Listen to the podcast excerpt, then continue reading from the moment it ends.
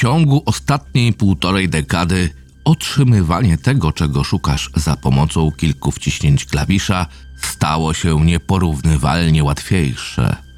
Internet spowodował, iż użytkowanie komputera w celu zmieniania rzeczywistości stało się zbyt łatwe dla użytkowników.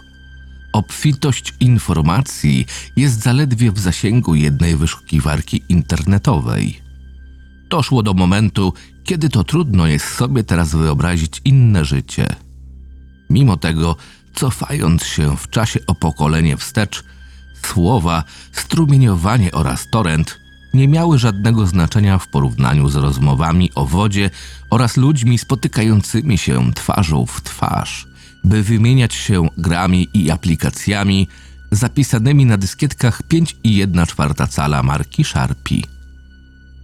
Oczywiście zwykłe takie spotkania służyły skromnym, towarzyskim ludziom do wymieniania się znanymi grami, takimi jak King Quest czy Maniac Mansion między sobą. Jednakże kilka wschodzących talentów programistycznych projektowało własne gry komputerowe, by dzielić się nimi ze znajomymi, które w zamian przekazywały te gry jeszcze dalej, dopóki, jeżeli były dobrze zaprojektowane i dostarczały rozrywki, tak niezależnie stworzona gra miała swoje honorowe miejsce wśród grona miłośników w całym kraju. Pomyślcie o tym jak o odpowiedniku wiralowych filmików. Z drugiej strony, Blada Luna nigdy nie przekroczyła granicy rejonu Zatoki San Francisco. Wszystkie znane kopie zostały porzucone, wszystkie komputery kiedykolwiek uruchomiły tę grę są teraz jedynie pozostałościami pokrytymi warstwami brudu i polistyrenu. Ten fakt przypisany jest kilku tajemniczym zamysłom programisty tejże gry. Blada Luna była tekstową grą przygodową w stylu Zorka i The Lurking Horror, a wyszła w czasach, kiedy wspomniany gatunek szybko wychodził z mody. Podczas uruchamiania programu gracza witał niemalże całkowicie czarny ekran za wyjątkiem tekstu.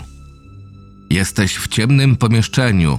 Blask księżyca prześwituje przez okno. W kącie leży złoto oraz łopata i lina. Na wschód znajdują się drzwi. Polecenie? Tak rozpoczynała się gra, którą jeden z redaktorów pewnego fanzinu określił jako enigmatyczną, bezsensowną i całkowicie niegrywalną grę. Jako iż jedynymi poleceniami, jakie gra przyjmowała, były podnieś złoto, podnieś łopatę, podnieś linę, otwórz drzwi i idź na wschód. Gracz wkrótce otrzymywał napis. Otrzymasz to, co ci się należy. Blada luna uśmiecha się do ciebie. Jesteś w lesie, są tutaj ścieżki na północ, wschód i zachód. Polecenie? To, co szybko zdenerwowało tych kilku graczy, którzy uruchomili tę grę, była jej zagmatwana i pełna błędów natura drugiego ekranu, jaki się pojawiał. Tylko jeden z podanych kierunków był tym właściwym. W tym przypadku polecenie, by iść w kierunku innym niż północ, powodowała całkowite zawieszenie się systemu, którego właściciel musiał potraktować twardym resetem. Każdy z kolejnych ekranów zdawał się powtarzać powyższy tekst, z jedyną różnicą, którą były dostępne kierunki. Co gorsza, standardowe jak na tekstowe gry polecenia okazały się być bezużyteczne. Jedynymi działającymi i niezwiązanymi z poruszaniem się gracza było użyj złoto, po użyciu której wyświetlała się wiadomość. Nie tutaj. Użyj łopaty, co wyświetlało. Nie teraz. Oraz użyj liny, co dawało. Już to zużyłeś. Większość graczy przedostała się przez kilka kolejnych ekranów gry, lecz szybko miała dosyć ciągłego resetowania komputera i cisnęła dysk z obrzydzeniem, opisując grę jako niechlujnie napisaną farsę. Jednakże istnieje pewien fakt w świecie komputerów, nieważne w jakich czasach.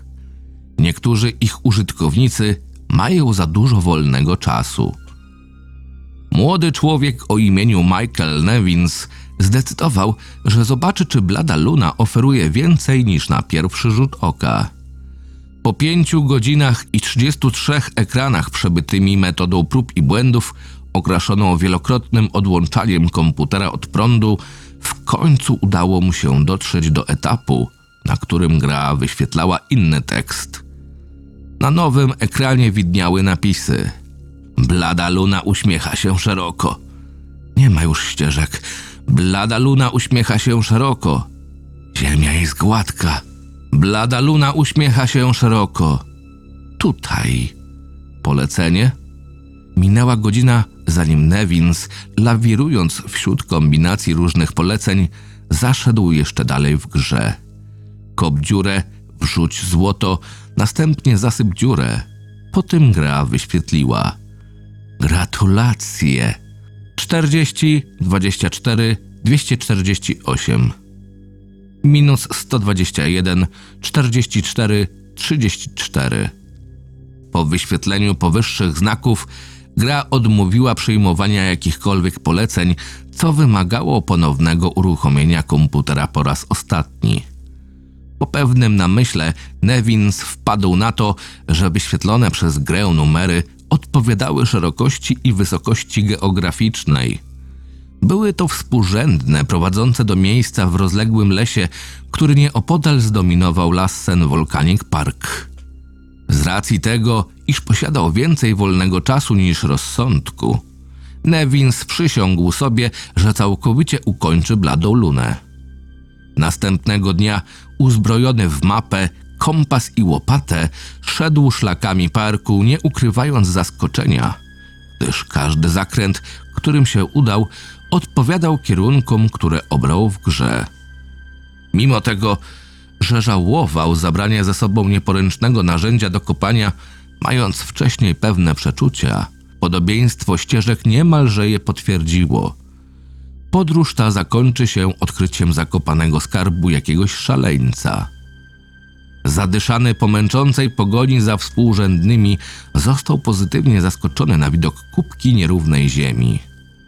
Kopiąc tak zawzięcie, jak był podekscytowany, określenie zaskoczony byłoby skrajnym niedopowiedzeniem, kiedy pewne i silne ruchy jego łopaty w końcu odsłoniły rozkładającą się głowę blondwłosej dziewczynki. Nevins niezwłocznie zgłosił sprawę władzom. Dziewczyna została zidentyfikowana jako Karen Paulsen, lat 11. Jej zaginięcie zgłoszono do Departamentu Policji San Diego półtora roku wcześniej. Usiłowano namierzyć programistę Blade Luny, lecz niemalże całkowicie anonimowa szara strefa, w której działała społeczność wymieniająca się oprogramowaniem, prowadziła do wielu ślepych zaułków. Kolekcjonerzy oferowali nagrody sięgające sześciocyfrowych sum w zamian za autentyczną kopię gry. Reszty ciała Karen nigdy nie odnaleziono. Autor oryginału z angielskiej creepypasty Wiki Ed. Autor tłumaczenia Esoteric Orange. Czytał Krystian Kieś. Zapraszam do subskrypcji mojego kanału.